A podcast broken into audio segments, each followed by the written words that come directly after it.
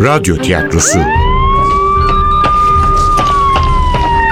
Başkomiser Nevzat'ın maceraları başlıyor.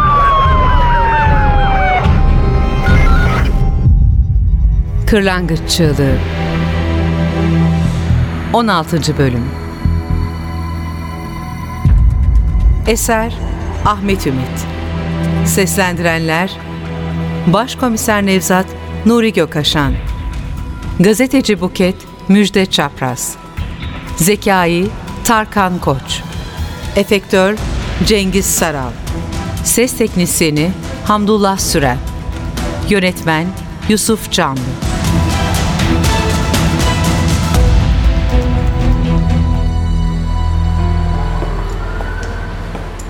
Taksim'deki pastanenin bahçesinde bekliyordu Buket. Çağlı yeşili şık bir gömlek vardı üzerinde. Sıcaktan olsa gerek saçlarını at kuyruğu yaparak arkada toplamıştı. Kaldırıma yakın bir masada oturmuş sodasını yudumluyordu. Bahçeye girdiğimi görünce aceleyle yuttu ağzındaki sıvıyı. Biraz telaş etmiş olacak ki neredeyse öksürecekti. Gülümseyerek ayağa kalktı. Merhaba başkomiserim. Hoş geldiniz. Hoş bulduk Buket Hanım. Kusura bakmayın geciktim. 10 dakika gecikme sayılmaz başkomiserim. İstanbul trafiğinde çok normal. Zaten millet bu sıcakta kafayı yemiş. Her kırmızı ışıkta bir kavga. Sıcaklar fena. E, siz gazetecisiniz Buket Hanım. Bilirsiniz ne zaman serinleyecekmiş ortalık. Bu hafta da böyle diyor uzmanlar. Biraz daha sürecek anlaşılan. Ne içersiniz? Soda güzel görünüyor. E ben de ondan alayım. Özür dilerim Buket Hanım buna bakmam lazım. Tabii lütfen. Ben de sodanızı söyleyeyim. Alo Zekai. Buyur seni dinliyorum. Görüşmeliyiz Nevzat. Hayrola ne oldu? Emin değilim ama kölebenin kimliğini tespit etmiş olabilirim. Kimmiş? Ee, Yok yok yok Ee, telefonda anlatılacak konu değil bu. Hem senin de fikrini almam lazım. Tamam o zaman bana gel emniyette buluşalım. Anlaştık. Celil'e pazara gitti. Gelir gelmez çıkarım. Eğer tahmin ettiğim gibi ise bu iş çözüldü Nevzat. Masaya dönerken Buket'in meraklı gözlerle beni süzdüğünü fark ettim. Dün geceki cinayetle mi ilgili? Yo yo başka bir konu. Bizde iş bitmez Buket Hanım. Neyse aslında dün geceki cinayet o kadar karışık değil. Katili bugün yarın yakalarız. Ali komiserle alakası yok değil mi? Benim yardımcım cinayet işlemez. Kim uydurduysa bu yalanı sizi fena işletmiş. Bunu bize haber veren sizin gibi bir polis desem, bir amir. Hiç şaşırmam. Adamın kim olduğunu da gayet iyi biliyorum. Olay da bu zaten. Polisler arası rekabet. Biraz da yetki karmaşası. Yapmayın. Amerika mı burası? Federallerle yerel polis çatışması. Öyle demeyin. Bizde de olur öyle çatışmalar. Bir olan arası anlaşmazlık diyelim. Ortada bir cinayet varsa buna biz bakarız. Dün akşamki olayda asayiştekiler işe burunlarını sokmuşlar. Aceleyle olay yerine intikal etmişler. Ali komiserle karşılaşınca da anlaşmazlığa düşmüşler. Aslında sorun çıkmazdı.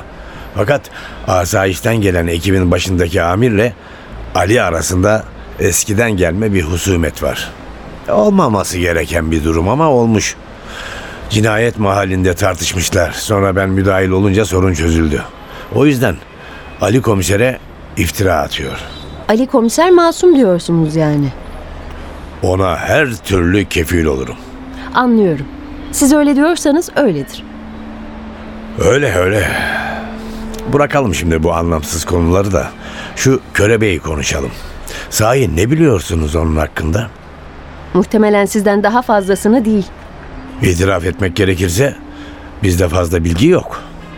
Beş yıldır körebenin kimliğini tespit edemedik. Sadece işlediği cinayetlerle ilgili malumata sahibiz.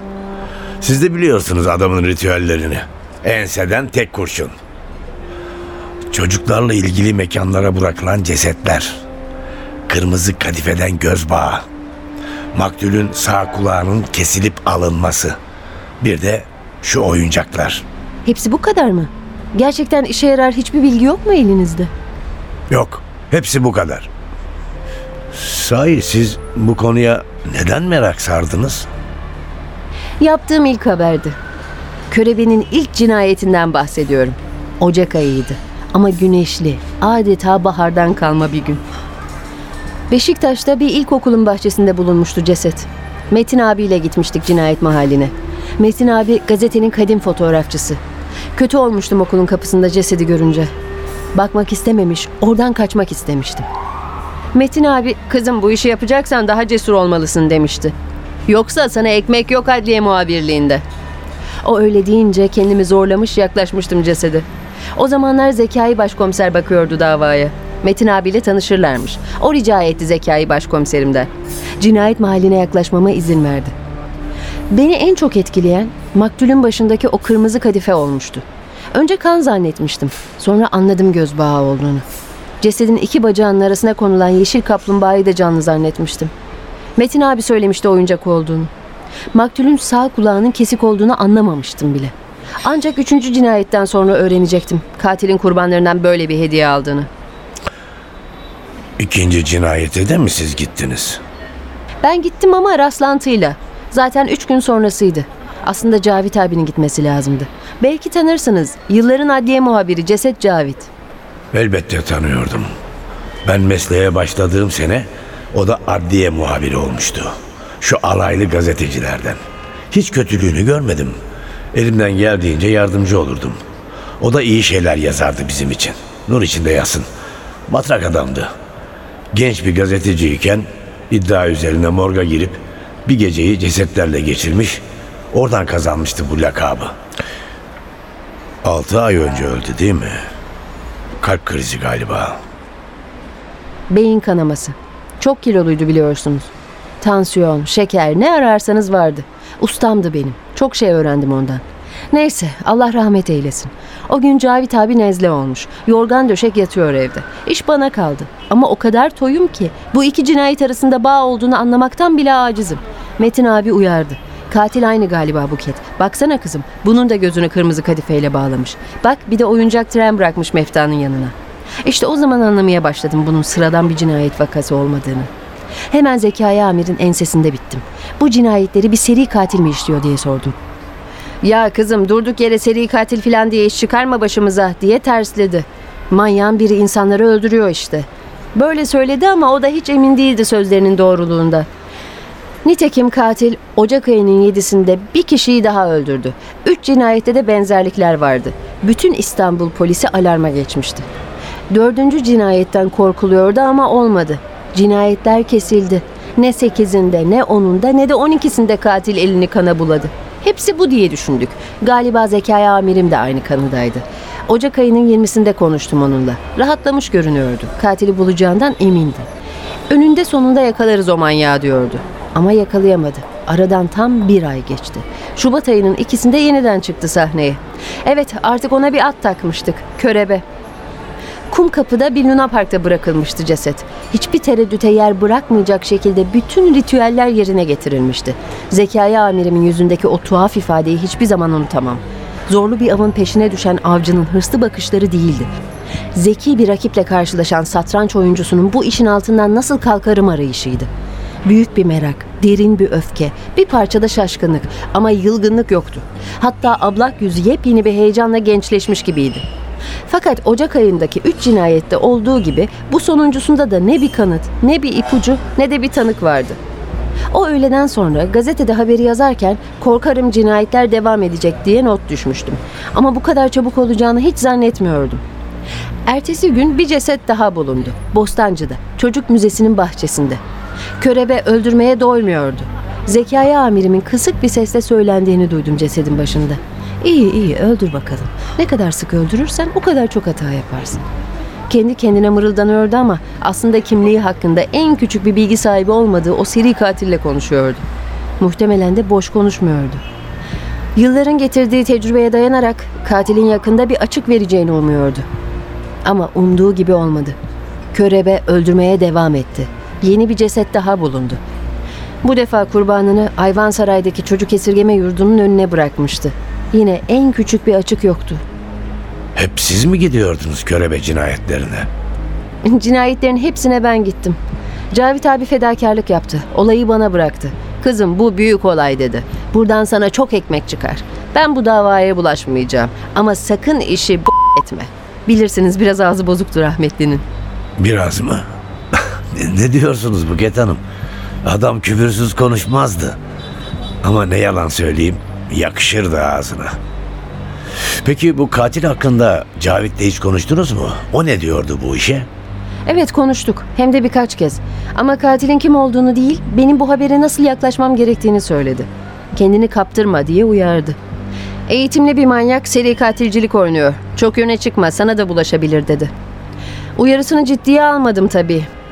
Hatta keşke körebe benimle irtibat kursa diye geçirdim içimde. Elbette yapmadı. Sizce de öyle mi? Körebe seri katillere özenen eğitimli bir manyak mı? Hayır, bence gerçekten acı çeken biri. Gerçekten tacize, belki de daha kötüsüne uğramış biri. Hem de defalarca. Profesyonelce davranmasının başka bir nedeni olmalı. O kadarını bilemeyeceğim ama 12 kişiyi gözünü kırpmadan, hiçbir pişmanlık göstermeden büyük bir soğukkanlılıkla öldürmek çok derin bir nefreti gösterir. Yarası soğumasına rağmen bir türlü geçmek bilmeyen bir nefreti. Körebe çok yıkıcı bir olay yaşamış olmalı. Bunlar özenti cinayetleri değil. Zaten o yüzden Ocak ayında öldürdüğü üç kişi onun içindeki ateşi söndürmedi. Şubat ayında da kan dökmeyi sürdürdü. Büyük bir soğukkanlılıkla, büyük bir titizlikle, büyük bir maharetle ve yine hiç ipucu bırakmadan. Hala hiçbir ipucu vermiyor. Bu arada katilin ritüelleri hakkında fikir yürütüyor muydunuz? Neden cesetleri belli yerlere bırakıyor? Kırmızı göz bağı, oyuncaklar, kesilen kulaklar filan. Yürütüyorduk elbette ama daha önemli bir sonuca ulaşmıştık. Bir sayıya. Daha doğrusu körebe için önemli olan bir sayıya. Evet, körebenin hem Ocak hem Şubat aylarında öldürdüğü günlerin toplamının 12 olduğunu tespit ettik. Şöyle ki, Ocak ayının birinde, dördünde ve yedisinde öldürmüştü. Şubat ayının ise ikisinde, üçünde ve yedisinde kan dökmüştü. Her iki ayda da öldürdüğü günleri toplarsak 12 sayısını buluyorduk. Zekaya amirime bu 12 sayısından bahsettim. Yok öyle bir şey. Böyle esrarengiz sayılar falan yazıp katili sevindirmeyin. Altı üstü bir katil diye geçiştirdi. Ama öyle değildi. Bunu da en iyi zekaya amirim biliyordu. Zorlamadım. Bu bilgiyi yazmadım. Ama sonuçta siz bir gazetecisiniz Buket Hanım. Haberi kovalamayı sürdürdünüz herhalde. Sürdürdüm tabii. Seri katiller üzerine okumaya başladım. FBI raporları, seri katillerin hayat hikayeleri, romanlar, ne varsa yalayıp yutuyordum. Okuduğum kitaplardaki seri katillerle bizim körebeyi kıyaslıyor, onların işlediği cinayetlerle bizimkinin cinayetlerini karşılaştırıyordum. Bazı sonuçlar çıkardım. Körebe muhtemelen tacize uğramış biriydi. Bu yüzden sapıkları kurban seçiyordu. Cinayet mahalline oyuncak bırakması yaşadığı tacizin çocukken yaşandığını gösteriyordu.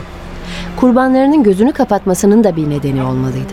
Belki körebe oynarken tacize uğramıştı. Ama öldürdüğü insanların neden sağ kulağının yarısını aldığına dair hiçbir fikrim yoktu. Bir de şu 12 sayısının manasını çözememiştim. Bu arada körebe sanatını icra etmeyi sürdürüyordu. Mart ayında yine çıktı sahneye. Yine 3 kişiyi öldürdü. Yine 12 sayısıyla bizi baş başa bıraktı. Baharın başlangıç ayının birinde, üçünde ve sekizinde öldürdü. Fakat bu sayı dışında basın olarak ulaştığımız hiçbir bilgi yoktu. Önce Zekai başkomiserimin öğrendiklerini bizden sakladığını zannettim. Ama sonra onun da elinde hiçbir ipucu olmadığını anladım. Merak ve korkuyla Nisan ayını bekledik. Körebenin yeniden cinayet işleyeceğini düşünüyorduk. Yapmadı. Ne Nisan ayında ne de Mayıs'ta kan döktü. Zekaya amirim gibi ben de şaşkındım. Ne olmuştu da körebe silahını kılıfına sokmuştu? Ama bu çok sürmeyecek. 2012 yılının Haziran ayında katilimiz yeniden cinayet işleyecekti. Haziran ayının ikisinde, dördünde ve altısında yeniden öldürdü. Yine büyük bir maharetle, yine arkasında en küçük bir iz bırakmadan. Böylece öldürdüğü 4 ayın toplamını aldığımızda da aynı sayıya ulaştık. 12. Evet, birinci ayda, ikinci ayda, üçüncü ayda ve altıncı ayda öldürmüştü. Toplamı 12 yapıyordu. Bunu fark edince körebenin bir daha öldürmeyeceğini anladım. Çünkü 12 sayısını tamamlamıştı. Bu tahminimi Zekai amirime söyledim.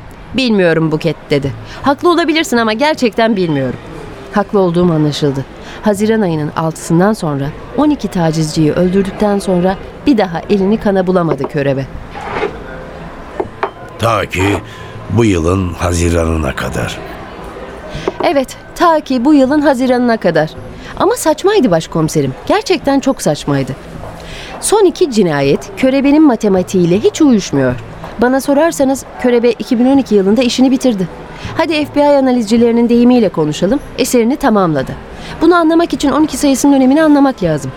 Nedenini bilmesek de 2012 yılında işlenen cinayetlerde hep 12 sayısına vurgu yapıyordu. 2017 yılının 6. ayında iki kişiyi öldürmesi bu ritüeli bozuyor.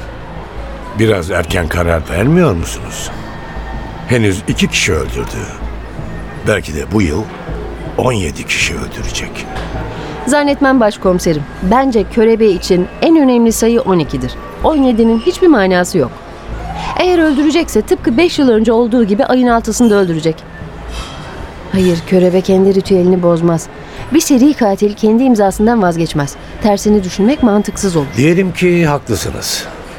Diyelim ki katil körebe değil. Kim o zaman? Nereden bileyim başkomiserim? Ben sadece izlediğim bir davadan çıkan sonuçları aktardım. Rahmetli Cavit abinin sözleri kulağıma küpedir. Ben sadece bir gazeteciyim. Katili bulmak benim işim değil, sizin işiniz. Ben sadece haberini yaparım. Sahi haber demişken eminim elinizde önemli bilgiler vardır. Hayır şimdi istemiyorum ama zamanı geldiğinde ilk bana söylerseniz minnettar olurum. Kırlangıç Çığlığı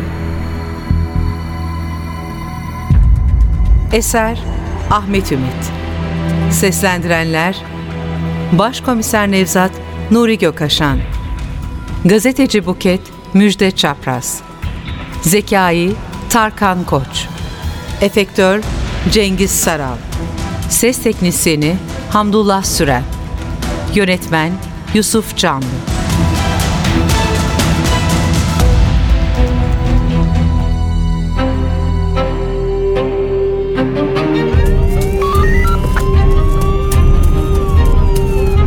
Radyo tiyatrosu Başkomiser Nevzat'ın maceraları Başkomiser Nevzat'ın maceraları her cumartesi 11.15'te NTV Radyo'da. Kaçıranlar ve tekrar dinlemek isteyenler içinse ntvradio.com.tr'deki podcast sayfamızda.